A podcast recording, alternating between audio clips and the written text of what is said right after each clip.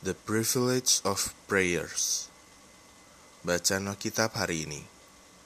Mazmur 145 ayat 18 Tuhan dekat pada setiap orang yang berseru kepadanya pada setiap orang yang berseru kepadanya dalam kesetiaan. Ayat hafalan. Matius 7 ayat 7 sampai 8 Mintalah maka akan diberikan kepadamu. Carilah maka kamu akan mendapat Ketoklah, maka pintu akan dibukakan bagimu. Karena setiap orang yang meminta, menerima, dan setiap orang yang mencari, mendapat. Dan setiap orang yang mengetok, baginya pintu dibukakan. Renungan Inspirasi Doa menjadi akses kita untuk berkomunikasi dengan Tuhan yang Maha Tinggi dan Maha Kuasa. Dengan berdoa, kita menerima kekuatan, damai sejahtera, hikmat, dan kasih karunia yang sangat besar. Tetapi kenyataannya, doa merupakan hak istimewa terbesar sekaligus kegagalan terbesar dari sebagian besar anak Tuhan. Tidak sedikit anak-anak Tuhan yang berdoa sebagai upaya terakhir, ketika semuanya gagal, ketika tidak ada yang bisa membantu mereka, dan hal terakhir yang bisa mereka lakukan hanyalah berdoa. Padahal doa tidak boleh menjadi pilihan terakhir, Doa harus menjadi pilihan pertama kita dan yang utama. Tuhan menciptakan kita untuk memiliki hubungan yang dekat dan penuh kasih dengannya. Tuhan ingin berkomunikasi dengan setiap kita, setiap hari, setiap saat.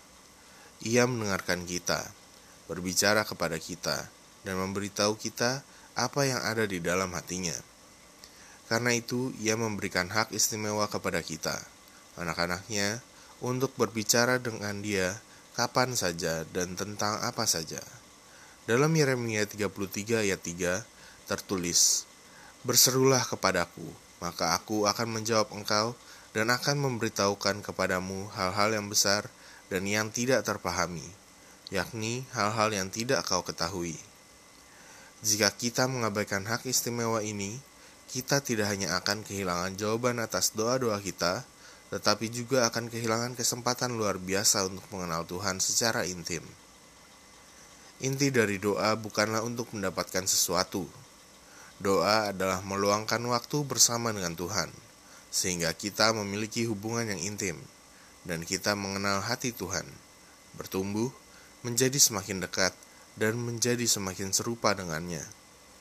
Saat Tuhan mengizinkan kesulitan, tantangan, kebutuhan, bahkan tragedi dalam hidup kita, dan kita dengan setia menggunakan hak istimewa kita untuk berdoa, kita akan melihat Tuhan mengungkapkan dirinya, menunjukkan kuasa dan kemuliaannya dalam hidup kita. Jadi, mulai saat ini, berdoalah senantiasa tanpa jemu-jemu. Yang harus dilakukan Miliki hubungan yang dekat dengan Tuhan dengan cara menggunakan hak istimewa untuk berdoa setiap waktu. Refleksi diri. Pertama, apakah Anda sudah menggunakan secara maksimal hak istimewa Anda untuk berdoa? Belum, sangat belum. Kedua, apa yang terjadi ketika Anda berdoa dengan setia? Seperti yang dikatakan pada renungan inspirasi hari ini, bahwa dengan berdoa dengan setia kita akan melihat Tuhan mengungkapkan dirinya menunjukkan kuasa dan kemuliaannya dalam hidup kita. Hikmat hari ini Sungguh suatu hak istimewa untuk membawa segalanya kepada Tuhan dalam doa. Pokok doa Bapak Surgawi, terima kasih atas hak istimewa doa dan berkat yang luar biasa yang kami dapatkan dari berdoa. Ajar kami untuk menggunakan hak istimewa tersebut untuk mengenalmu lebih dekat. Dalam nama Yesus, amin.